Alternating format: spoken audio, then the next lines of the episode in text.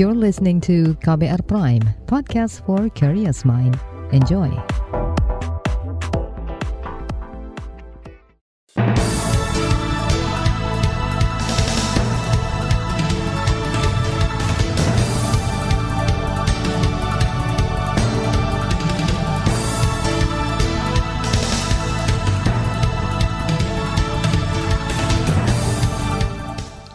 Selamat pagi saudara, senang sekali bisa menjumpai Anda melalui program Buletin Pagi, edisi Jumat 30 September 2022 bersama saya Roni Sitanggang. Sejumlah informasi pilihan telah kami siapkan, di antaranya, jelang di sidang, Putri Chandrawati minta tidak ditahan. Jokowi perkirakan ekonomi nasional tumbuh 5,4 persen di kuartal kedua. Satgas Madago Buya tembak sisa DPO kelompok Mujahidin Timur. Inilah buletin pagi selengkapnya. Terbaru di buletin pagi. Saudara Kejaksaan Agung menyatakan berkas kasus pembunuhan berencana dan merintangi penyidikan telah lengkap atau P21. Namun salah satu tersangka Putri Chandrawati belum juga ditahan. Putri hanya dikenakan wajib lapor dengan alasan masih dilakukan evaluasi secara fisik dan psikologis. Menurut juru bicara Mabes Polri, Dedi Prasetyo, status penahanan Putri Chandrawati tengah menunggu hasil evaluasi tim penyidik. Ya, kemarin saya sampaikan bahwa dari penyidik kan saat ini sudah melakukan evaluasi kesehatan yang bersangkutan. Apabila ada perkembangan lebih lanjut dari penyidik, tentunya nanti juga akan saya sampaikan kepada teman-teman. Saya juga tidak sendiri, nanti saya minta penyidik untuk mendampingi. Ya setelah teknis nanti penyidik yang akan bisa menjelaskan kepada teman. Itu tadi juru bicara Mabes Polri, Dedi Prasetyo. Sementara itu di Kejaksaan Agung pun belum ada rencana terkait penahanan Putri Chandrawati. Jaksa Agung Muda Pidana Umum Jampidum Fadil Zumhana menyebut lembaganya menyerahkan sepenuhnya penahanan Putri Chandrawati kepada Jaksa Penuntut Umum. Itu kewenangan sepenuhnya jaksa penuntut umum. Nanti kalian bisa lihat perkembangannya. Jaksa penuntut umum yang ditunjuk sudah berkoordinasi dengan bidang intelijen segera setelah dinyatakan lengkap untuk melakukan cegah tangkal, melakukan pencegahan agar tidak ke luar negeri. Ini jaksa penuntut umum mengambil langkah itu supaya mengantisipasi terjadi pelarian ke luar negeri. Itu tadi Jampidum Fadil Zumhana. Putri Chandrawati menjadi satu dari lima tersangka pembunuhan berencana Brigadir Nofriansah Yosua Huta Barat atau Brigadir J. Selain Putri, kepolisian telah menahan suaminya Ferdi Sambo, Richard Eliezer, Ricky Rizal, dan Kuat Ma'ruf. Kuasa hukum Putri Chandrawati berharap kejaksaan memberikan keringanan terhadap proses hukum di kasus pembunuhan berencana Brigadir J yang dihadapi kliennya. Salah satu kuasa hukum Arman Hanis mengatakan agar tidak dilakukan penahanan terhadap Putri Chandrawati. Kuasa hukum menilai Putri punya alasan kuat tidak ditahan meski berkas perkara sudah rampung atau P21. Memohon kepada penyidik atau jaksa penuntut umum agar dapat mempertimbangkan alasan-alasan kemanusiaan, yaitu kondisi kesehatan klien kami, khususnya menjelang proses peradilan dan klien kami juga masih memiliki anak di bawah usia 2 tahun. Pasti kami sesuai yang diatur oleh KUHAP akan mengajukan surat permohonan untuk tidak dilakukan penahanan. Itu tadi kuasa hukum Putri Chandrawati Arman Hanis. Keistimewaan yang didapat Putri Chandrawati lantas memunculkan polemik, apalagi kasus yang dilakukan Putri tergolong berat, terlibat pembunuhan berencana. Sementara banyak narapidana perempuan dengan status warga biasa yang bahkan terpaksa melahirkan hingga mengasuh anaknya dalam sel tahanan. Seperti yang dialami Avita, narapidana kasus jual beli 700 karton minyak goreng harus kembali ke sel usai melahirkan. Avita bahkan ditahan dalam kondisi usia kehamilan tujuh bulan. Sebelumnya Komnas Perempuan mendorong kepolisian memberikan keadilan hukum terhadap perempuan yang berhadapan dengan hukum. Komisioner Komnas Perempuan Siti Aminah mengatakan keadilan yang dimaksud yaitu pemberian hukum, akses terhadap bantuan hukum, pemberian bantuan psikologis sejak awal hingga tidak dilakukan penahanan. Termasuk misalnya terkait hak anak ya ada mekanisme yang dibangun di uh, Komnas Perempuan, Kepolisian, Kejaksaan, Pengadilan sejak tahun 2008 tentang akses penanganan kasus kekerasan terhadap perempuan ya. Di mana kita membangun mekanisme uh, komunikasi dan koordinasi lintas institusi untuk memastikan hak-hak perempuan termasuk dampak dari tindak pidana termasuk terhadap anak-anak Komisioner Komnas Perempuan Siti Aminah menegaskan Komnas juga merekomendasikan hal yang sama terhadap perempuan lain yang memiliki isu seperti Putri Chandrawati. Sementara itu pakar hukum pidana dari Universitas Trisakti Abdul Fikar Hajar menegaskan secara aturan Putri Chandrawati semestinya ditahan. Apalagi kata dia syarat formal terhadap kejahatan yang dilakukan Putri Chandrawati bersama empat tersangka lain terpenuhi di Kitab Undang-Undang Hukum Pidana. Namun kata Fikar, karena kasus ini kewenangan subjektif, maka penahanan Putri Chandrawati akan bergantung pada aparat penegak hukum seperti polisi atau jaksa. Iya rasa keadilan berhadapan dengan kemenangan jaksa. Ya kalau bukan ketidakadilan ya itu pasti tidak adil. Tapi itu karena kewenangan subjektif ya orang nggak bisa memaksa juga. Nah, apakah dia tidak malu bertahan dengan rasa keadilan? Ya tanya aja sama jaksanya. Kalau mau diambil terobosan, umpamanya ada orang yang merasa tidak adil, dia bikin aja pra peradilan bahwa tindakan jaksa tidak menahan itu bertentangan dengan hukum. Minta pengadilan supaya memerintahkan jaksa untuk menahan. Nah, saya begitu kalau mau agak revolusi visioner sedikit. Pakar hukum pidana dari Universitas Trisakti Abdul Fikar Hajar menyebut jaksa bisa saja menggunakan alasan material untuk menahan Putri Chandrawati dengan alasan adanya kekhawatiran tersangka menghilangkan atau merusak barang bukti, tersangka atau terdakwa melarikan diri, dan tersangka atau terdakwa akan mengulangi perbuatan pidana. Hari ini rencananya Putri Chandrawati dijadwalkan untuk wajib lapor di Bareskrim Mabes Polri. Hingga saat ini tersangka dan barang bukti terkait kasus pembunuhan Brigadir Yosua Huta Barat itu belum dilimpahkan ke Kejaksaan Agung. Brigadir Yosua tewas di rumah dinas bekas Kadif Propam Polri Verdi Sambo pada hampir tiga bulan lalu. Saudara kantor staf kepresidenan menegaskan tak ada pemotongan BLT BBM. Informasinya akan hadir sesaat lagi, tetaplah di Buletin Pagi KBR. You're listening to KBR Pride, podcast for curious mind. Enjoy!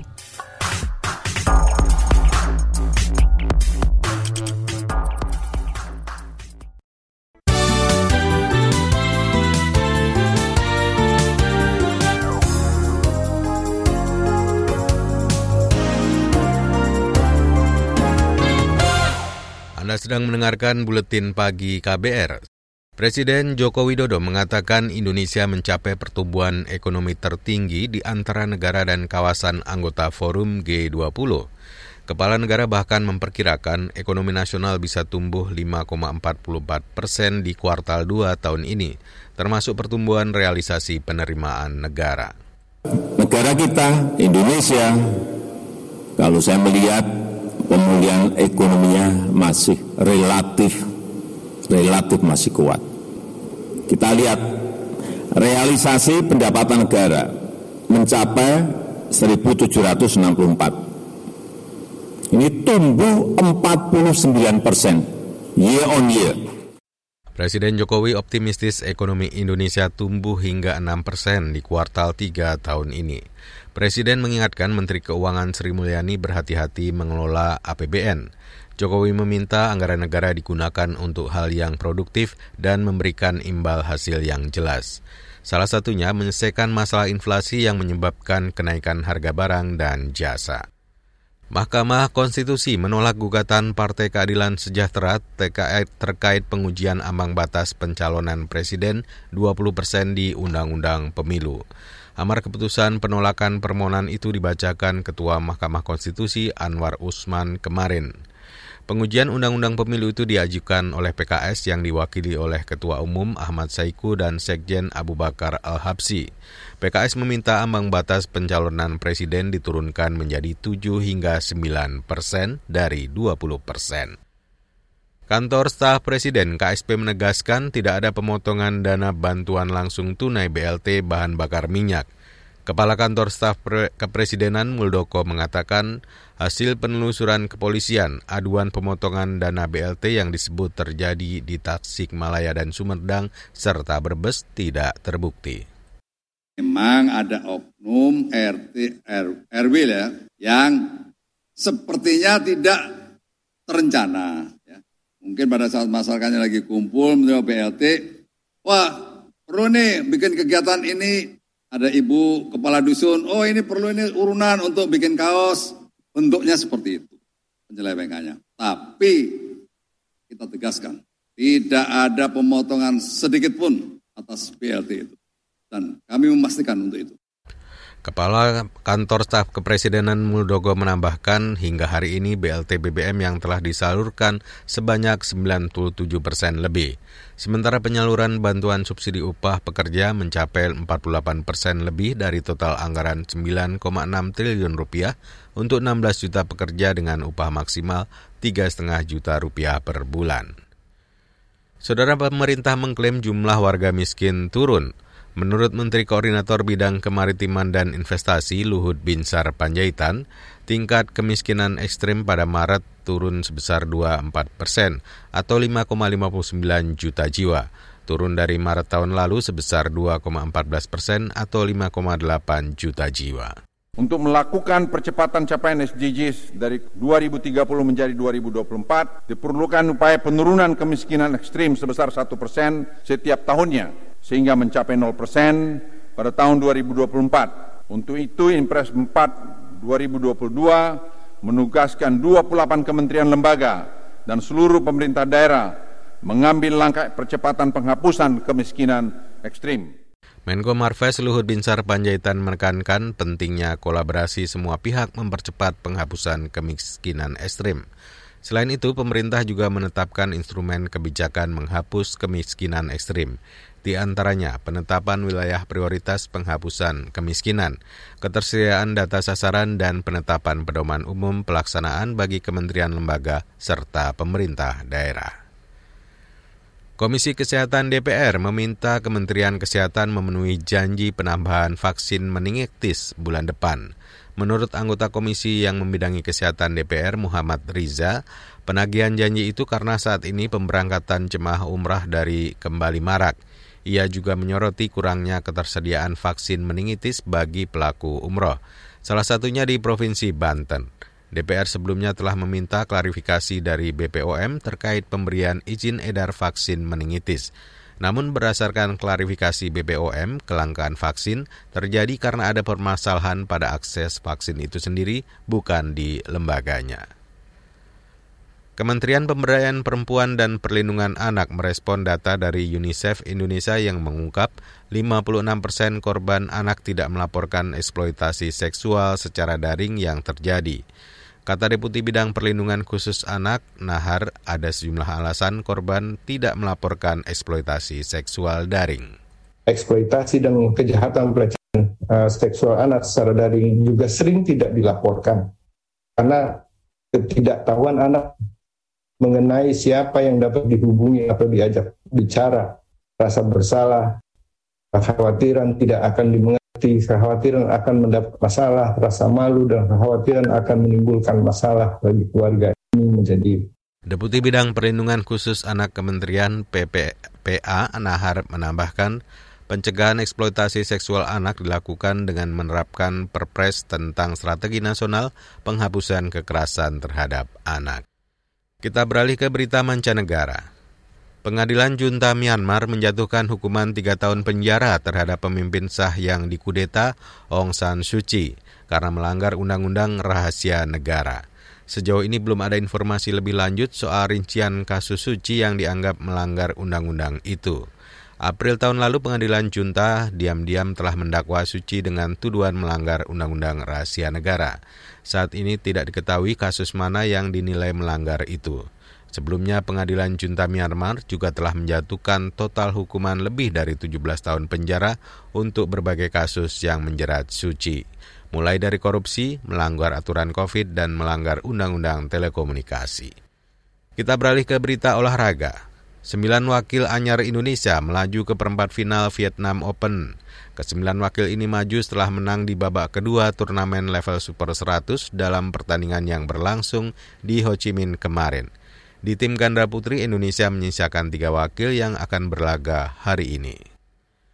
Saudara di bagian berikutnya kami hadirkan laporan khas KBR membahas laporan temuan Ombudsman soal penanganan bencana. Simak usai jeda tetaplah di Buletin Pagi KBR.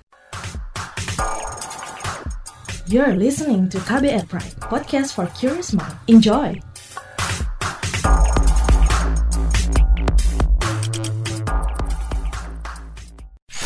Commercial break. Commercial break.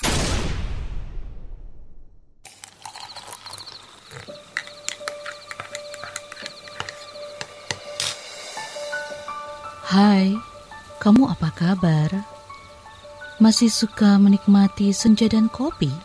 Aku masih ingat kebiasaan kita. Sehabis pulang kerja, selalu mencari tempat untuk sekedar ngobrol dan ngopi. Tapi kadang kita kehabisan bahan obrolan. Aku masih melakukan hal yang sama sampai sekarang tanpa harus takut habis bahan buat ngobrol karena aku selalu mendengarkan KBR sore dari Senin sampai Jumat jam 4 sore. Ah, aku rindu. KBR Inspiratif Terpercaya.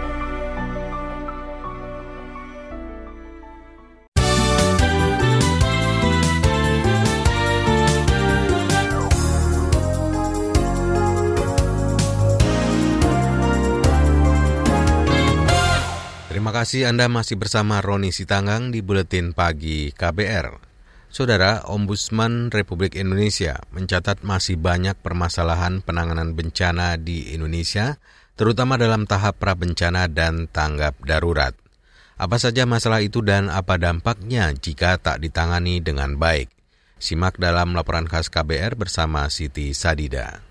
Ombudsman Republik Indonesia atau ORI mencatat terdapat beberapa permasalahan terkait penanganan bencana pada tahap pra-bencana dan tahap tanggap darurat.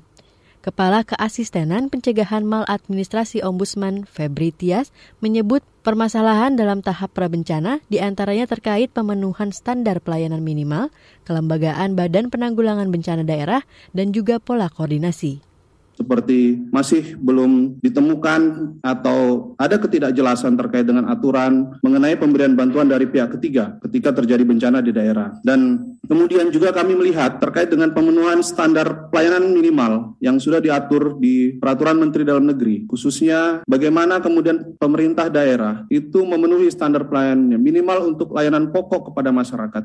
Berdasarkan hasil kajian kebencanaan Ombudsman, permasalahan lapangan pada tahap pra-bencana juga dirasakan ketika Badan Penanggulangan Bencana Daerah atau BPWD kurang bersinergi dengan pemangku kepentingan terkait dan kurang berinteraksi dengan masyarakat. Terkait dengan pola koordinasi, ada masih banyak permasalahan sinergitas antara BPWD dengan stakeholder terkait, dengan dinas terkait di daerah, kemudian juga koordinasi BPBD dengan masyarakat mengenai bagaimana kesiapsiagaan bencana karena ini sangat penting. Tidak hanya bagaimana kemudian kita melakukan sosialisasi kepada masyarakat, memberikan pesan terkait dengan bagaimana kemudian um, mitigasi terhadap bencana, namun kita juga perlu pastikan bagaimana respon masyarakat, bagaimana hal yang dilakukan masyarakat ketika kemudian edukasi atau sosialisasi itu kita sampaikan.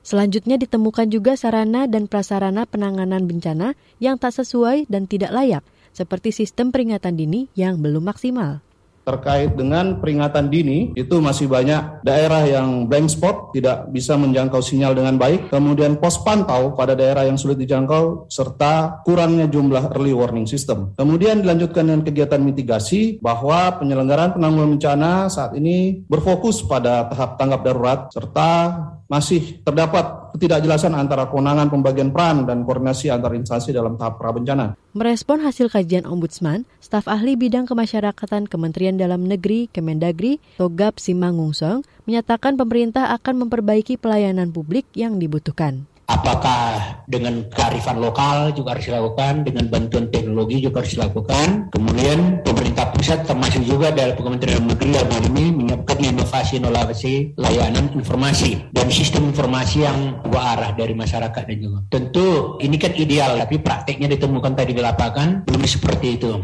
Selain itu, Kemendagri mengklaim siap berkoordinasi dengan pemerintah daerah sebab kewenangan penanggulangan bencana juga ada pada pemerintah daerah. Tentu kami harapkan seperti yang biasa dilakukan oleh OJK, lembaga-lembaga pemerintah yang di luar pemerintah menulis surat kepada Menteri Dalam Negeri hasil temuan ini. Tentu dengan permasalahan dan rekomendasinya. Berdasarkan itu nanti kami dari Kementerian Dalam Negeri, Menteri Dalam Negeri akan mengeluarkan instruksi atau edaran kepada seluruh bupati wali kota supaya benar-benar mengoptimalkan mengatasi masalah apa yang ditemukan oleh kajian ombudsman. Menurut Togap, sudah ada panduan mengenai standar pelayanan minimal atau SPM sub urusan bencana yang harus diberikan pemerintah ke masyarakat terdampak. Aturan yang dimaksud ialah Permendagri tentang standar teknis pelayanan dasar pada standar pelayanan minimal sub urusan bencana daerah, kabupaten, atau kota. Namun, di lapangan, sebagaimana disampaikan staf teknis Badan Penanggulangan Bencana Daerah Provinsi Nusa Tenggara Barat, Mustakim, petugas maupun masyarakat masih sulit memahami panduan yang dibuat oleh pemerintah tersebut. Mereka juga tidak memahami apa yang harus kami laporkan terhadap kondisi-kondisi pelayanan pemerintah terhadap kami sebagai masyarakat korban bencana. Nah itu barangkali kondisi yang kami alami di Provinsi NTB. Badan Nasional Penanggulangan Bencana atau BNPB mengakui masih terdapat banyak kekurangan dalam penanggulangan bencana di Indonesia. Meski demikian, Deputi Bidang Logistik dan Peralatan BNPB, Zaherman Muabezi, mengklaim perbaikan manajemen mitigasi bencana terus dilakukan. Perbaikan di semua elemen dan pembangunan sistem penanggulangan bencana terus dilakukan mulai dari regulasi, kelembagaan, perencanaan, pendanaan, peningkatan kapasitas, dan penyelenggaraan penanggulangan bencana. Dan integrasi rencana penanggulangan bencana menjadi salah satu prioritas program pembangunan nasional. Menurut data BNPB hingga bulan ini telah terjadi lebih dari 2.600 bencana di Indonesia. Bencana terbanyak ialah banjir, kemudian cuaca ekstrim. Tercatat sudah ada 150 orang meninggal, 30 orang hilang, dan 750-an orang luka-luka serta lebih dari 3 juta orang mengungsi. Bencana juga merusak ratusan ribu rumah dan fasilitas pelayanan publik. Laporan ini disusun dan dibacakan jurnalis KBR Siti Sadida. Saudara informasi dari berbagai daerah kami hadirkan usai jeda berikut ini. You're listening to KBR Pride, podcast for curious mind. Enjoy!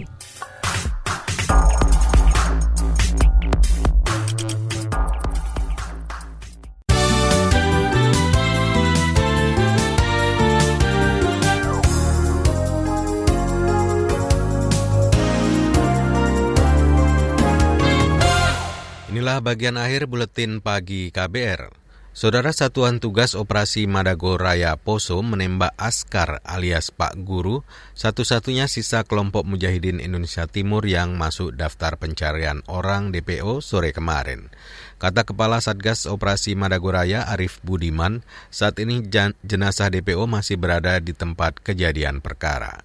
Jadi tadi jam 18.20, jadi tim tim Sogili berhasil melumpuhkan diduga DPO Askar, DPO Askar. Nah sampai saat ini jenazah masih di TKP, belum bisa kita evakuasi karena kendala medannya yang sangat berat. Kemudian yang kedua masih ada tas atau barang-barang yang dicurigain ada bom sehingga belum bisa disentuh. Kami masih menunggu tim Jibom untuk ke atas.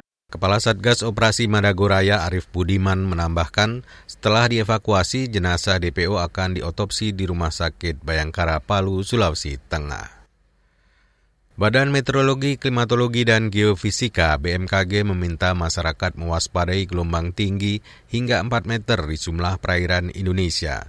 Kepala Pusat Meteorologi Maritim BMKG Eko Pak Setio dikutip dari Antara menyebut pola angin dengan kecepatan hingga 25 knot menjadi penyebab terjadinya gelombang tinggi. BMKG menyebut gelombang setinggi hingga 4 meter berpeluang terjadi di utara Selat Malaka, utara Sabang, Mentawai, Bengkulu, dan Lampung termasuk perairan selatan Pulau Jawa, Pulau Sumba, Selat Bali, Selat Lombong, Samudra Hindia Selatan, Jawa, NTB. BMKG juga mengingatkan risiko keselamatan pelayaran, terutama perahu nelayan dengan kondisi gelombang tinggi tadi. Dinas Sosial Kota Ambon, Maluku kesulitan menangani anak jalanan, gelandangan, dan pengemis. Menurut Kepala Dinas Sosial Ambon Nurhayati Yasin, salah satu kesulitan karena tidak adanya rumah singgah atau panti asuhan.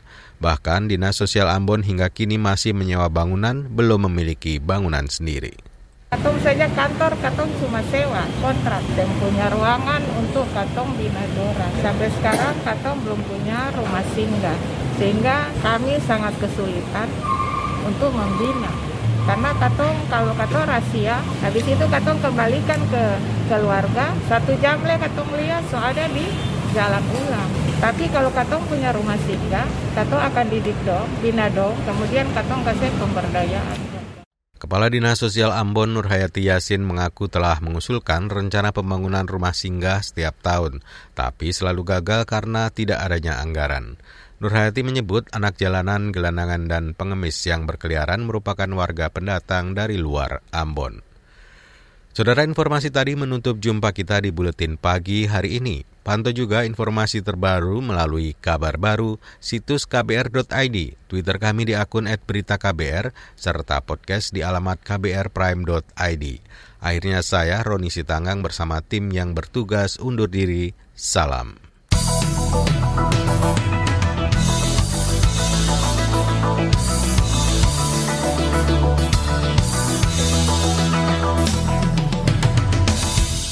KBR Prime, cara asik mendengar berita. KBR Prime, podcast for curious mind.